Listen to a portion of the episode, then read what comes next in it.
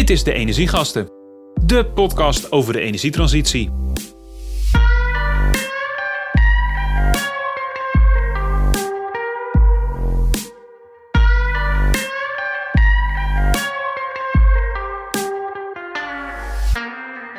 Deze nieuwe episode gaat over energiearmoede. Uh, is een hot topic de afgelopen maanden. Uh, misschien gezien in het nieuws, 550.000 huishoudens, dat was in september, zitten in energiearmoede.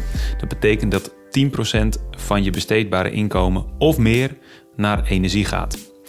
Er zijn een aantal maatregelen afgekondigd om daar iets tegen te doen. Alleen de grote vraag is: zijn die effectief? Werken die? En kan dat misschien wel beter?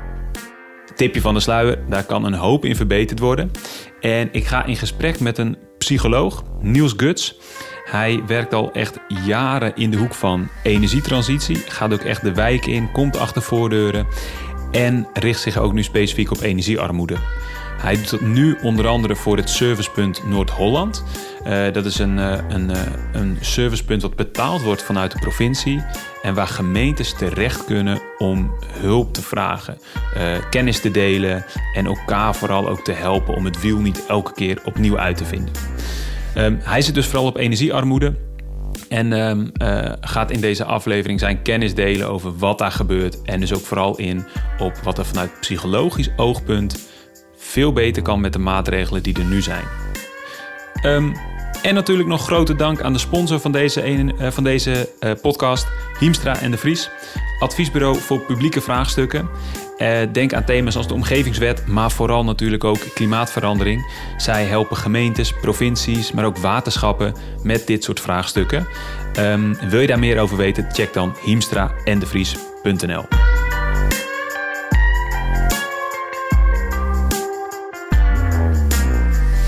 We zitten in Utrecht. Uh, ik ben aangeschoven aan tafel bij Niels Guts. Uh, Niels is al 30 jaar ben jij consumentenpsycholoog, hè? Ja, klopt. Ja. Oftewel, jij weet hoe de hersenen werken, hoe gedrag werkt. En dat is in de energietransitie, nou, als je het mij vraagt, nog wel eens een ondergeschoven kindje. Klopt. Um, was het altijd al een probleem, probleem, energiearmoede? Ja, dat is zeker niet nieuw. Er zijn gemeenten die al 10, 12 jaar echt vol met beleid erop bezig zijn. Maar het was gewoon niet echt op de radar van de gewone mens, van de, de middenmotor, zeg ik dan maar even. Um, eigenlijk zie je dat er een hele hoge correlatie, samenhang is tussen minima zijn. Dus, in, in de algemene leven. zin, ja, precies tegen de armoedegrens aanzitten, heel moeilijk rondkomen. En energiearmoede. En even, voor het, even om het helemaal helder te hebben, wat betekent het in Nederland om in armoede te zitten? Wat is de grens daarvoor? Ja, dat is die armoedegrens en dat is echt bijstandsniveau. Mm -hmm. En dat is volgens mij voor een, voor een samenwoners, voor een gezin rond de 1500 netto. Oké, okay. en wat, wat hanteren we als definitie van energiearmoede? Dat is dat als je woonlasten eraf zijn, dat wat je dan aan besteedbaar inkomen hebt, dat 10% of meer daarvan aan energiekosten opgaat. Dus na aftrek van woonlasten besteedbaar inkomen ja. 10% of meer. Ja. Dus zeg ik heb 1500 euro aan, over aan besteedbaar inkomen. Ja. Na aftrek van hypotheek, Ja, huur, wat het ook is. Uh, dan zou je dus meer dan 150 euro aan energie kwijt moeten zijn. Ja. Met de stijging van de energieprijzen kan ik me voorstellen dat de groep NOS kopte in september 550.000 mensen. Die Dat- zijn er al, die hebben al energiearmoede. Maar ik wou zeggen, die zullen alleen, dat zal deze winter extreem groeien, ja, toch? ja, klopt. Ja, want wat je ziet is dat eh, nou, de gasprijs bijvoorbeeld... die heeft jaren rond de 60, 70, 80 cent per kuub ge- gelegen. Dus eigenlijk nooit maar in de buurt van de euro. Ja, Nou, die zit nu, als je nu af moet sluiten... kun je wel soms 1,60, 1,70 moeten betalen. ja. Dus echt over de euro heen en er zwaar doorheen ook. Nou, en dat is dus eigenlijk die klap, die gaat extra komen.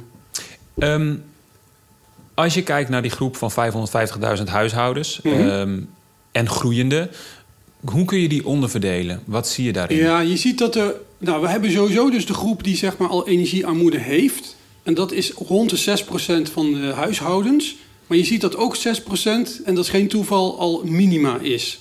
Hè, dus die op die grens van, energie, van gewone armoedegrens leeft. En die zijn eigenlijk één op één Redelijk, ja, ja. En wat je ziet is dat binnen die groep, en dat hangt ook daar weer mee samen, is dat 75% van mensen met nu energiearmoede woont in een woningcorporatiewoning. Is dus sociaal, 75 procent. ja, sociaal huurder.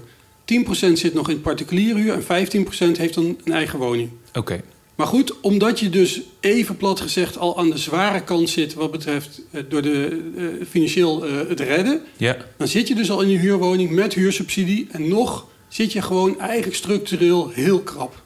En- Bijstandsniveau. En is er dan een verschil tussen hoe, je, hoe jij als psycholoog zou, zou adviseren aan gemeentes om om te gaan met mensen met energiearmoede en armoede? Of is dat eigenlijk een vergelijkbare aanpak daar nodig? Hoe kijk je er Daar tegenaan? zit een hele hoge correlatie weer in. Ja, dus het feit dat je even plat gezegd in zo'n moeilijke financiële situatie chronisch zit, dat betekent al dat er psychologisch van alles gebeurt met je. Mhm. Ja, dat noemen ze met een mooi woord de zelfeffectiviteitsverwachting.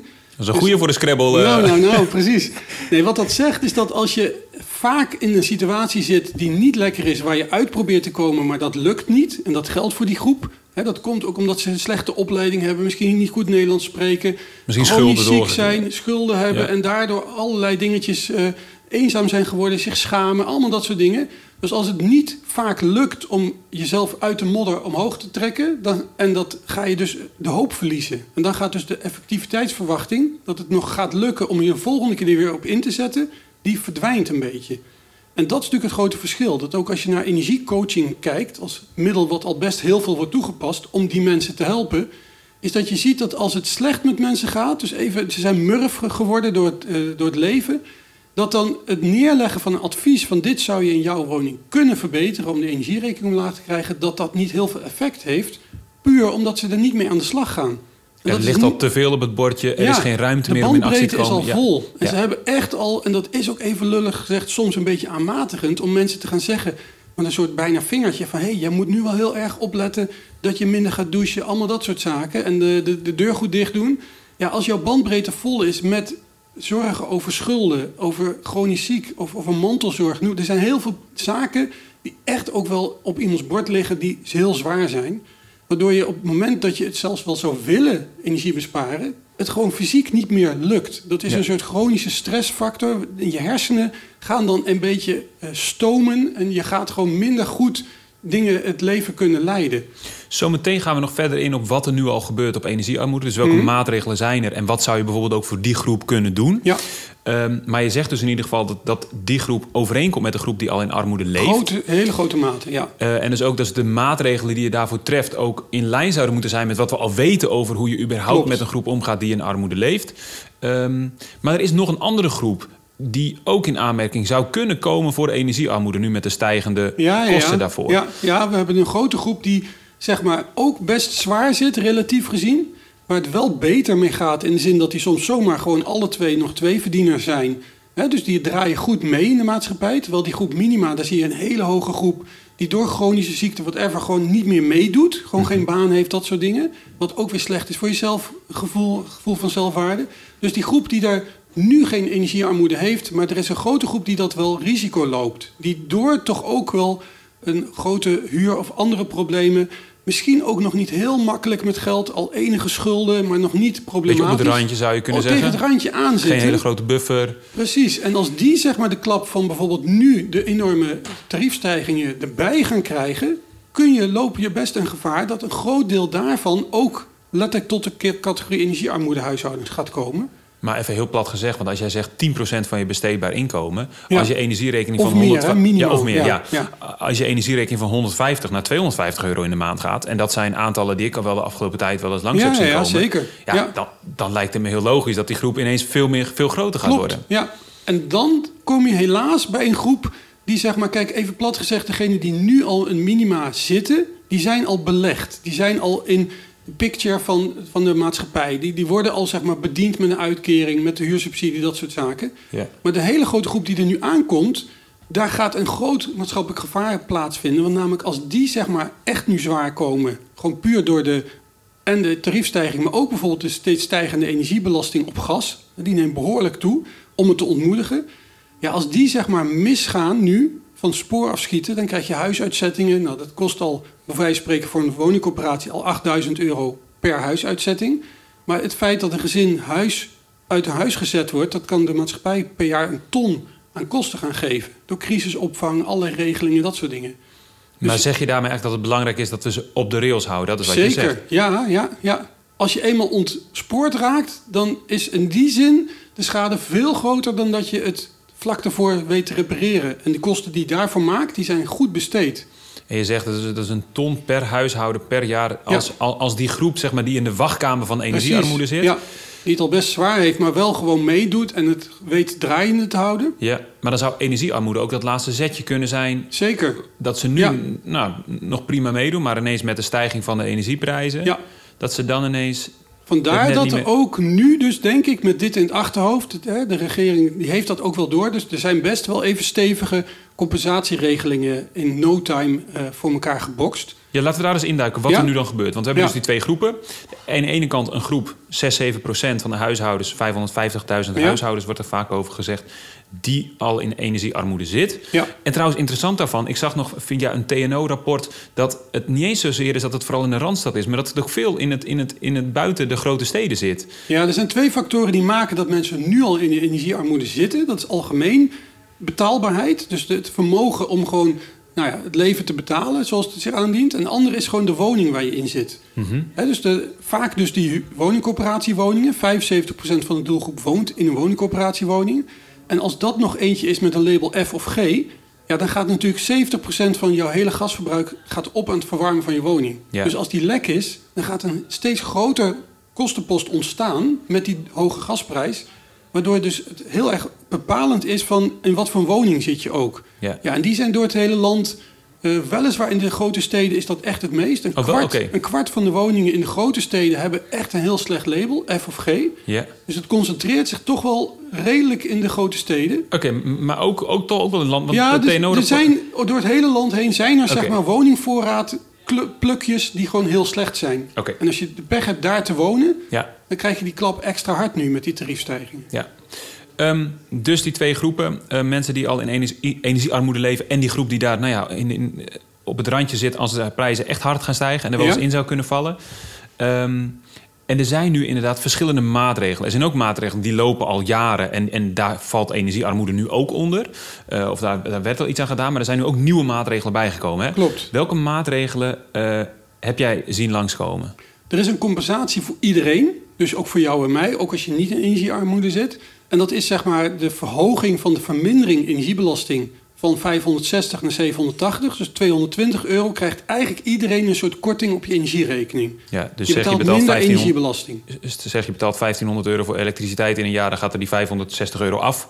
Nu En- al, maar dat wordt 780 Oké, dus die wordt verhoogd. per januari. Ja. En tegelijkertijd gaat de energiebelasting op elektriciteit naar beneden. En dat scheelt in gemiddeld huishouden ook weer 200 euro. Dus zeg maar 425 euro is wat eigenlijk een gemiddeld gezin, of ze het nou lastig hebben met energiearmoede of armoede algemeen krijgen, dat is de algemene kant. En daarnaast zijn er nog specifieke regelingen voor mensen echt in de minima-kant of die energiearmoede al hebben. En even voor mijn beeld, hè, want als ik dat zo hoor, dan denk ik, ja, er zijn ook mensen die hebben drie jaar lang hun tarieven vaststaan. Die Ja. hebben al jaren geleden in zonnepanelen geïnvesteerd, isolatie gedaan. Die hebben dat geld helemaal niet nodig. En Ja. als ik dan hoor wat er over gezegd wordt, dan wordt er gezegd, maar het is te ingewikkeld om het specifiek op een bepaalde groep te richten. Dan denk ik, hoezo? Wat Ja, is daar zo ingewikkeld aan? Hoe kijk jij daarnaar? Ja, ik ben het helemaal met je eens. Ehm, iemand zei ook eh, met een. eh, als je kijkt, als je ziet dat wij nu een, je- een eh, menukaart maken voor gemeenten. van wat kun je hier voor beleid op ontwikkelen, maar ook bovenregionaal. Nou, dat is best veel werk. Dan moet je een heleboel dingen gaan doen aan de kant en dit en dat. Terwijl iemand zei ook van ja, die vermindering energiebelasting die iedereen krijgt. Hè, enerzijds wordt energiebelasting gegeven, anderzijds krijg je weer terug. Ja. Wat een best rare constructie is. Maar dan doen ze dat teruggeven alleen op stroom formeel. Want ze willen gas maar ontmoedigen. Ja. Dus langzamerhand kan een energierekening, stroom, kan negatief zijn. Omdat je dus gewoon nu bijna 800 euro terugkrijgt op de energiebelasting... die je niet eens betaalt over die stroom. Maar goed, dus daar zit je gewoon... ehm, en iemand zei van, joh, die energiearmoede die is dus op te heffen door die nu 800 euro. Als mensen het niet hoeven te hebben, als je dat gewoon naar draagkracht bij degene die... hè, dat is toch 70% van de bevolking gaat het goed genoeg. Ja. Die kunnen dat hebben, zo'n zo'n eh, tariefstijging. Dus als je die 800 euro die nu dus naar iedereen gaat... eventjes bij die 70% gewoon niet aftelt... en dat bij de minima erbij zet, dan is het al helemaal opgelost. Ja. Dus het is, we leven in een wereld met allemaal systeemdynamieken, systeemfouten kun je zeggen. Ja, die een heel moeilijk probleem, dat als je kijkt, als we het binnen de bestaande kaders, wat nu moet, vorm gaan geven, ja, dan moet je echt de hoepel springen en hele moeilijke nieuwe Maar zo dingen moeilijk kan dit toch niet zijn? Ja, Ja, ja. Bla- Laten blijk- we een oproep doen naar de politiek. Om eigenlijk, en naar die systeemdenkers, om eens te kijken van... Goh, met één, één streep eigenlijk door een bepaalde regeling... en het omturnen van die ene regeling... Ja, is het eigenlijk al op te lossen. Maar goed. maar dat is dus niet gebeurd. Het Nee. is voor iedereen. En vervolgens zijn er nog eh, twee, één of twee andere dingen bij. Ja, meerdere. Oké, Er zijn ook regelingen nu, hulplijnen zeg maar, specifiek voor mensen die in de energiearmoede al zitten. Die 600.000 of 550.000. Eén daarvan is, zijn de, de BZK-gelden. Dus er is Binnenlandse per, Zaken. Ja, Binnenlandse Zaken. Per huishouden komt er 250 euro beschikbaar. Waarmee eigenlijk dus maatregelen in de woning genomen moeten worden...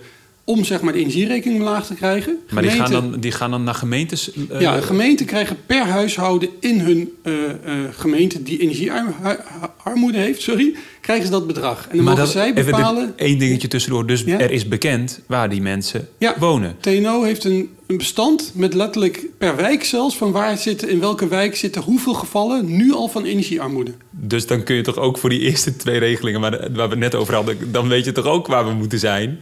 Zou, zou ik denken? Ja, ik denk dat dat TNO-bestand nog niet op huishoudensniveau Oké. gaat, maar wel zescijferig, dus dan weet je per wijk. Oké. Maar goed, dus daar zitten ook AVG-dingen. Ik Maar denk dat het moet kunnen, maar dan moet je AVG even goed... eh, Het komt dus, Ja. die andere eh, 250 euro per huishouden komt Ja. bij gemeentes terecht. En het moet grotendeels in de woning ja, eh, een maatregel voor gebeuren. Tocht ja, en ja, tochtstrippen, eh, waterzijdig inregelen. Alle dingen waarvan je weet dat dat letterlijk het energieverbruik omlaag gaat brengen. En dus de energierekening. En die, dat is nog niet beschikbaar? Of, of Dat gaat komt het, per januari, zeg maar. Dus dat is een eenmalige uitkering richting gemeente... die dan zelf kunnen bepalen binnen die groep van energiearmoedehuishoudens... hoe ga ik dat besteden? Dus gaat iedereen 250 krijgen? Of zeggen we in de wijk waar het echt het ergst is... daar gaat het in zijn geheel heen? ah ja. Nou, dat soort vragen, dat zitten we nu... eh, die gaan eraan komen. En nog En er is nog een regeling van de sociale zaken. Dat is gewoon een eenmalige, zeg 300 euro storting op de korting op de, eh, op de uitkering. Ja. Dus de mensen krijgen gewoon nog een extra... waar wij als gewone Nederlander 425 euro compensatie krijgen... Ja. is er nog een 300 euro extra compensatie voor mensen die minima zijn. Het klinkt een beetje alsof, alsof het, het idee hierachter is... oh, het is even één wintertje waarin het lastig is. We geven Ja. wat extra geld en daarna zien we wel Ja, verder. dat is wat er nu gebeurt. Wat ik net zei, hè, het energiearmoedebeleid wordt al 10, 15 jaar ontwikkeld. Wij waren ook toevallig binnen het Servicepunt Noord-Holland met de MRA en TNO al sinds het voorjaar bezig echt energiearmoede eh, eh, voor te bereiden. Dus MRA is metropoolregio Amsterdam. Ja, klopt. Ja. Eh, maar wat je ziet is dat als het de grote groepen gaat raken, even lullig gezegd, wat dus nu gebeurt, dan wordt dus bepaalde politieke partijen wakker. Het is hun achterban, waar dat normaal bij de minima vaak niet is. Ja, het zit toch een beetje in elkaar. Ja. Dus het is in één keer maatschappelijk relevant geworden en Ja. actueel. Terwijl het eigenlijk daarvoor voor de groep minima al lang was. Wat dus eigenlijk aan de ene kant heel positief is... dat het ineens Ja. op de agenda staat. Maar aan de andere kant zie je dus ineens maatregelen ontstaan... Ja. waarvan ik denk, is daar, daar is niet langer dan vijf minuten over nagedacht. Nou ja. Nou ja, er is in ieder geval over nagedacht waarschijnlijk dat het goed voor hun achterban is. Voor de, hè, de, de politieke partijen met de middenmotors als achterban. Ook die gaan pijn krijgen door de tariefstijgingen, maar niet problematisch. Verre van. Als jij een contract hebt wat drie jaar lang loopt, dan heb je pas over 2,5 jaar ga je deze tariefstijgingen merken, überhaupt. Ja. Dit is, dit is eigenlijk symptoombestrijding, maar er is ook nog wel wat, wat, wat, wat hoop, eh, Ja. gelukkig. Eh, want jij zei terecht al, er wordt ook al tien jaar al wel echt aandacht besteed aan Ja. energiearmoede. Daar hebben we misschien de afgelopen tien jaar niet zoveel van gezien. Of misschien wel nooit iets op de NOS of wat dan ook. Nee. Maar het gebeurt wel.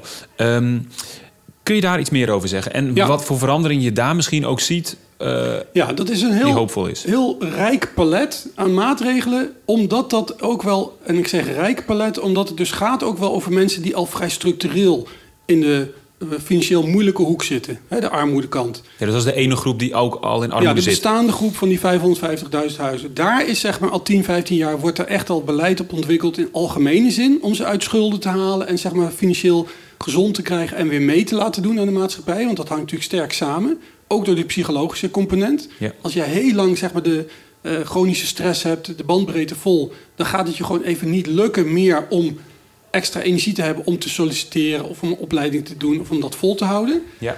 Dus je hebt zeg maar beleid, maatregelen die heel erg wel in de hoek zitten van het snappen van die doelgroep. De, de welzijnshoek, de sociaal opbouw, de opbouwwerkers, die zitten echt wel al heel lang met dit soort problemen en, en oplossingen. Dus bijvoorbeeld wat je veel ziet is dat er energiecoaching is. Dat is ook een logische Maar stap. dat is niet vanuit de sociale hoek, toch? Of wel?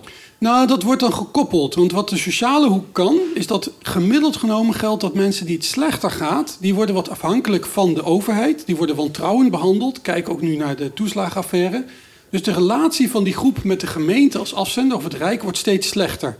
Dus op het moment dat jij bij wijze van spreken hulplijnen aanbiedt aan die groep, wat vanuit goede bedoelingen best gebeurt, zie je dat dat gewoon niet binnenkomt omdat ze die overheid niet meer moeten. Ja. Of omdat ze zelfs met slecht uh, laaggeletterdheid uh, de taal niet beheersen, dat alles wat binnenkomt per brief gewoon niet gesnapt wordt en de brieven überhaupt van die afzender uh, onge ongeopend weggaan. Ja. Dus wat het sociaal domein heel goed kan, dat is echt een hele belangrijke functie, is de hulplijnen achter de voordeur krijgen. Omdat zij al door hun werk non-stop investeren in de relatie en dus vertrouwen van zeg maar, die wantrouw, uh, wantrouw, die groep die geleerd heeft eigenlijk een beetje het systeem, het systeempartij te wantrouwen, Mm -hmm. om daar weer vertrouwen te hebben. Dus Okay. wat je ziet is dat sociaal domein heeft vooral die functie. Om die hulplijnen achter de voordeur te brengen in de contacten die zij al hebben met bewoners. Ja. Alleen, uh, je noemt ook het woord energiecoaches al even. Ja. Dat is iets wat ook al jaren uh, bestaat, maar wat niet specifiek altijd meegaat met het sociale domein, nee. toch? Nee, het komt eigenlijk uit de hoek van zeg ik, de donkergroenen. De, de mensen, de koplopers. Er is al 30 jaar veel te doen. En de mensen die energie en duurzaamheid belangrijk vinden, die zijn al in de benen. Die Ja. pakken allerlei maatregelen in de woning natuurlijk al vanuit zichzelf op. Ja. Daar is energiecoaching voor ontwikkeld. Van wat zou in mijn woning slim zijn om te doen. En dat biedt dan een gemeente aan? Of die heeft daar potjes precies. voor? Ja, ja, dat is echt al heel veel gedaan. Dat mensen maatwerkadviezen gratis krijgen. Vraagt de energiecoach langs, krijg je een maatwerkrapportje. Ja. Maar dat is rationeel. Dan krijg je dus een overzicht van wat zou kunnen in je En woning. jij zegt donkergroen, dus dat zijn vaak mensen die zelf al alles in hun woning gedaan hebben. Ja, die komen langs bij een andere minded. woning. Ja. En, en die gaan dan adviseren. Ja, Ehm, maar volgens mij, als ik jou goed begrijp, ook over het verhaal over de, de, de hoek waarin armoede al een issue is en waar energiearmoede er logischerwijs bij komt, Mhm. helpt dat niet? Want gaat het niet over de inhoud? Is er gewoon geen Nou, ruimte dat is voor? het grote eh, misser. De grote misser is in dat als jij deze groep alleen maar kennis aanbiedt, wat eigenlijk een beetje gebeurt met zo'n maatwerkgesprek. Je krijgt dan een soort heel rapportje, wat bijna al te veel is. Je zou in plaats van de tien maatregelen die kan, laat één of twee, de, de eerste, eerste stappen. Hè, dus dat is wat die mensen nog net kunnen hebben.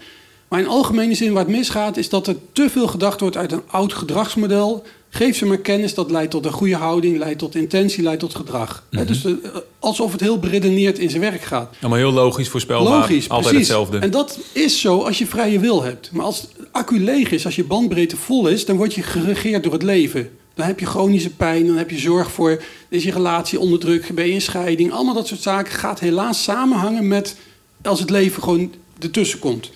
En als je dat bij de hand hebt, dan gaat een rapportje over wat er zou kunnen in je leven, dat is even niet meer eh, reëel. En even kijken, mensen leven in het nu, die worden alleen maar door wat er vandaag kan en door concrete dingen geraakt. En als jij zegt tien jaar lang zijn we al bezig met eh eh Minimaal, ja.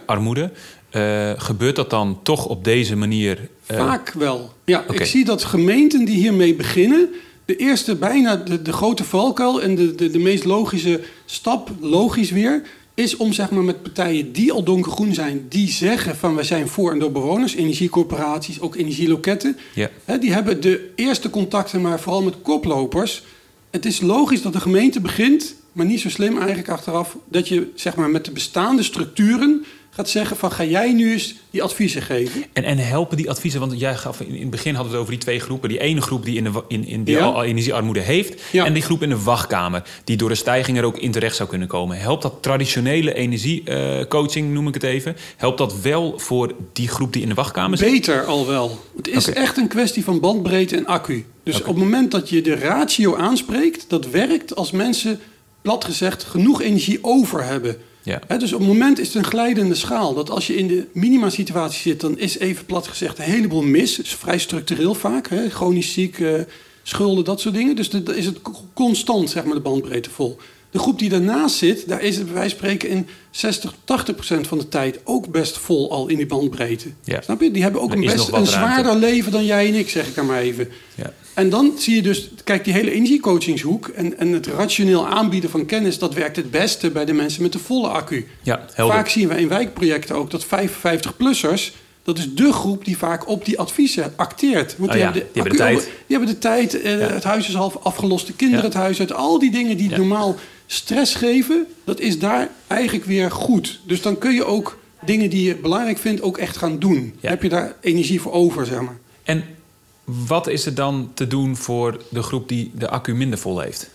Nou ja, eigenlijk is de, het grote leerpunt, dat is ook in die schuldhulpproblematiek in Amerika, Harvard hebben ze dat helemaal ontdekt. Wat doet die chronische stress? Dat die bandbreedte vol is, dat maakt dat je steeds meer tunnelvisie krijgt, op het onderwerp geconcentreerd. Andere dingen die aangeboden worden, die zie je even niet. En je gaat steeds meer naar het hier en nu toe. Dus waar je bij wijze van spreken met een volle accu nog over overmorgen en over de toekomst na kan denken. Vandaar dat die donkergroene energieclubs het altijd over het aarde redden hebben. Ja. Maar op het moment, dat is prima. En diep down willen we dat misschien ook allemaal wel. Maar als het leven anders is, dan ga je steeds meer naar kortere termijn toe. Dan gaat er een, dus een vernauwing plaatsvinden. Dus wat moet gebeuren, is dat je het niet meer hebt over Parijs en Kyoto. Ja, we zitten op maandag eh, de Nou, podcast precies. op te nemen. Ja, Misschien dat, ja. ik weet niet of dit ook te horen is, maar het, eh, Ja, het precies, het alarm eh, gaat af. Maar dat is ook het, dit is de hebben het over. Energiearmoedealarm, ja. Oh, Nee, eigenlijk wat er dus moet gebeuren, een glijdende schaal, is je verhaal steeds concreter maken. Aanhaken bij de zorgen die mensen hebben. Ja. En zeg maar de, de, de hulp bieden die bij wijze van spreken meteen soelaas biedt. Ja. En niet alleen maar zeggen: hier heb je de radiatorfolie, want dat is in jouw woning en ga het straks maar zelf aanbrengen. Maar dat is dus de energiecoaching plus, die met mensen even die energiearmoede hebben, beter werkt om die reden ook. En dat klinkt soms wel betuttelend, maar dat is niet alleen energieadvies geven, de middelen geven, hè, zoals de radiatorfolie, maar het ook echt voor ze aanbrengen. Heb je daar een voorbeeld van waar dat al gebeurt? Ja, in Amsterdam hebben ze de Fixbrigade en die doet precies dit. Dus die hebben zeg maar vanuit een soort buurthuis wat overgenomen is door bewonersinitiatieven, hebben ze al best goede contacten. Met ook eh, cursussen voor vrouwen, buitenlandse vrouwen, taalkursussen, De computercursussen. jungle heet het, eh, De zei je. jungle, ja. Dus die hebben al contacten, die, die vertrouwensrelatie is al opgebouwd daardoor. Ja. En daar hebben ze dus een energiecoaching plus. Ze gaan en bij mensen langs kijken in de woning wat kan. Maar ze gaan ook letterlijk de kierdichting doen. Er komt een klusser langs die een dag lang bij wijze van spreken alles aanbrengt Ja, van die meteen. maatregelen. Ja, En, en dat werkt dus, zeg je. En even voor Zeker. het gemeenteperspectief, is dat dan heel veel duurder dan alleen een energiecoach eh, beschikbaar stellen? dat is moeilijk. Dat moeten we nog naar kijken. In dit geval wordt het ook nog gedaan door mensen met afstand tot de arbeidsmarkt. Dus Die dan de, fixe, de die fixers, fixer zeg maar. worden. Ja, Ja. Dus dat zou niet per se duurder hoeven, maar dan ga je wel weer tegen bepaalde systeemkaders aanlopen. Mag iemand met een uitkering vrijwilligerswerk Ah, doen? ja. Of is dat dan meteen zeg maar, dat je niet meer beschikbaar bent voor de arbeidsmarkt? Nou, dat zijn Ja. de klassieke eh, vragen die hier een beetje gaan spelen. Eh, en zou het eventueel lukken om dat fixen, dus de- die kluskant, als je dat net als bij de gewone energiecoaches, wat vaak draait op gepensioneerden, weliswaar dan de donkergroene, die dan vooral kennis gaan geven, maar misschien is het wel te organiseren dat er ook dat klussen, dat dat ook met vrijwilligers te doen is. Dan hoeft het niet zo duur te zijn. Maar ja, Ja. het is even een grote vraag van, ga je het helemaal oppakken en organiseren, dan is dat natuurlijk best arbeidsintensief en dus duur. Of gaat het je lukken om het, ja, net als met de energiecoachingshoek algemeen, bijvoorbeeld met ook voor en door bewoners zelf te doen? Maar even, even voor mijn beeld, hè. Ehm, jij zegt, zo'n fixer is een dag bezig. Als iemand een dag in een woning bezig is, dan kun je... Wat kun je dan allemaal doen? Noem ze eens op. Welke... Ja, dat gaat van zeg maar, de tochtstrippen aanbrengen, de kierdichting, hè, met, met de afkitten, eh, het Ja. aanbrengen van radiatorfolie. Ja. Kijken of de ketel die nu op 90 graden staat misschien wel naar 70 kan en Ja. toch nog warm wordt. Hè, dat, dat soort experimentjes. Waterzijdig inregelen. Dat is ook echt zeg maar kijken hoe de op de doorstroming van de, eh, Ja, dan is als de... ehm, de cv-ketel is op zijn best als de retourtemperatuur laag is, onder de 60 graden of zo. Dus het water moet vrij lang eigenlijk onderweg zijn. ja. En bij de verschillende radiatoren in de verschillende ruimtes goed afgesteld. Zodat Ja. het niet alleen in de woonkamer er heel snel doorheen gaat, maar daar wat langzamer. Nou, dat kun je dus allemaal regelen per radiator. Met Ja. een radiatorknop. Dat heet waterzijdig weten hoe je inregelen. dat doet. Klopt. Dus Ja. die, die fixers, die klussers, die hebben daar een opleiding in gehad. En die kunnen Ja. dat doen. Ja. Normaal, als je dat aan een installatiebedrijf laat doen, ben je zo'n 500 euro kwijt. Die vragen daar veel voor. Maar even voor mijn beeld. ehm, die, die maatregelen bij elkaar opgeteld hè, met de stijgende energieprijzen. Dat levert toch een besparing op per jaar die, die echt wel dekt dat iemand daar een dag naartoe kan. Zeker, ja. Maar goed, dan krijg je dus dat split incentive heet dat geloof ik van waar Ja, ligt ja wie, de wie heeft de baten, wie heeft de lasten. Precies. Ja, ja, ja. En dat is een hele interessante. Dat gaan we met TNO nu ook proberen. Dus ook vanuit EZK, de economische zaken, geloof ik, eh, gaat dat gebeuren. Dat noemen ze een MKBA, maatschappelijke kosten-batenanalyse. Ja. Het schijnt nu al vanuit literatuurverkenningen, uit Engeland in ieder geval, dat elke euro die je investeert in energiearmoede, 2,5 euro maatschappelijk vermeden kosten elders oplevert. Zo. Bijvoorbeeld ook, jij noemde eerder die ton per jaar per huishouden... Wat het kost ja. als iemand echt van de Ja. rails afgaat. Ja, maar ook zaken, zeker ook gezondheid. Ja, Als iemand even plat gezegd echt het water aan de lippen staat financieel... en die gaat dan dus bijvoorbeeld het woning niet meer verwarmen... of alleen maar in de woning wordt het kouder, wordt het vochtiger... Ja. en dan krijg je dus ook gezondheidsproblemen. Mensen gaan letterlijk veel meer gezondheidskosten krijgen... omdat die kou, nou dat is ook niet een gezond verhaal. De schimmelvorming gaat misschien toespreken... hè, want warme lucht neemt eh, vocht op. Ja, er zitten Dus heel veel andere dingen bij. Er gaan ja. een heleboel Ja. side effects eigenlijk optreden als energiearmoede eh eraan komt. Ehm, als ik jou goed begrijp, jij zegt eigenlijk... de ouderwetse aanpak was rationeel. We moeten uitleg geven, kennis. Ja, gericht op mensen met de volle accu, die dus daarna met die kennis ook wel aan de slag gingen. Ja. Maar dat is bij middenmotors grote- en achterblijvers is dat helemaal niet, of veel minder tot helemaal niet het geval. Ja, die accu is leeg aan het raken of die is al leeg. Precies. Dus er is een andere aanpak nodig. Jij noemt één voorbeeld vanuit Amsterdam. Is het zo dat dat een uniek voorbeeld is? Of is er uiteindelijk in heel veel gemeentes nu al wel een slimmere aanpak? Nou, je ziet wel een enorme eh, verbetering in die zin dat de klassieke energiecoaching, die er zeker ook nog is hoor, en waar veel gemeenten die hiermee beginnen vaak naar grijpen, want die lijkt het meest logisch, Mhm. Ja. nog steeds vanuit het denken vanuit koplopers en volle accu's. Ja. Je ziet al wel dat bijna alle energieaanpak, eh coachingsaanpakken die er zijn, al de plus pakken in de zin van dat ze vijf of zes materialen al meenemen. Dus dat mensen al de tochtstrippen en de radiatorfolie krijgen naast de kennis, eh, eh, het eh, adviesgesprek. Ja. Dus dat Ja. is al een stap in de goede richting. Dus die drempel wordt weggenomen. Ja, die zie ik zelf ook. Want ik, ik doe zelf ook wel regelmatig webinars voor een, voor een, voor een partij, het regionaal energieloket, die voor gemeentes dat doet. En ja. daar, daar bieden we vaak een, een cadeaubon ook aan Ja, voor die een foutje. Je hebt ook die RRE-regeling. Dus dat is ook allemaal voorzien tegenwoordig. Hè? Dus dat, die foutjes van 70 euro bijvoorbeeld, die kan iedereen krijgen. Ja, Als een gemeente dat aangevraagd heeft. Maar dat is nog steeds niet voldoende. Zeker niet voor de groep die nu energiearmoede heeft. oké. Omdat daar die accu nog structureel... Dat is een wezenlijk andere groep weer. Die ook weer een wezenlijk andere aanpak nodig heeft. En die aanpak zie je nog niet. Nou ja, de Zoveel. fixbrigade Ja, precies, bijvoorbeeld. Ja, maar, maar, dat is op je daarnaast- hand te tellen. Ja, Ja, ja, klopt. dus dat is nog meer een opkomst. Dus daar zijn eigenlijk nog echt stappen te zetten, zeg je.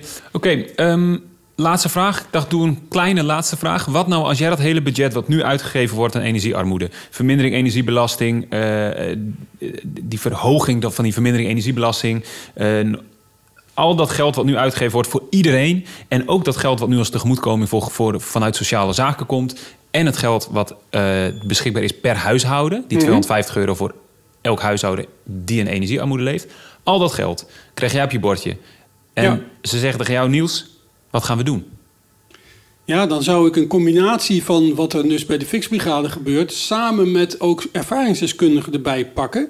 Dus mensen die hier geweest zijn en die zeg maar in die situatie gezeten hebben... en er weer uitgekomen zijn, die dus terug kunnen kijken... en die ook echt kunnen vertellen wat er speelt. Maar dit is wel interessant, want jij zegt dus eigenlijk... ik zou die kant erbij halen... terwijl wat in de afgelopen tien jaar eigenlijk gebeurd is... is Ja. dat we de kant van energiecoöperaties... van De zeg maar, donkergroene, de volle donkergroen- accu's. Ja, Ja. de volle accu's erbij halen. Dus dat, je zegt eigenlijk juist de expertise van de lege accu's Ja. erbij halen...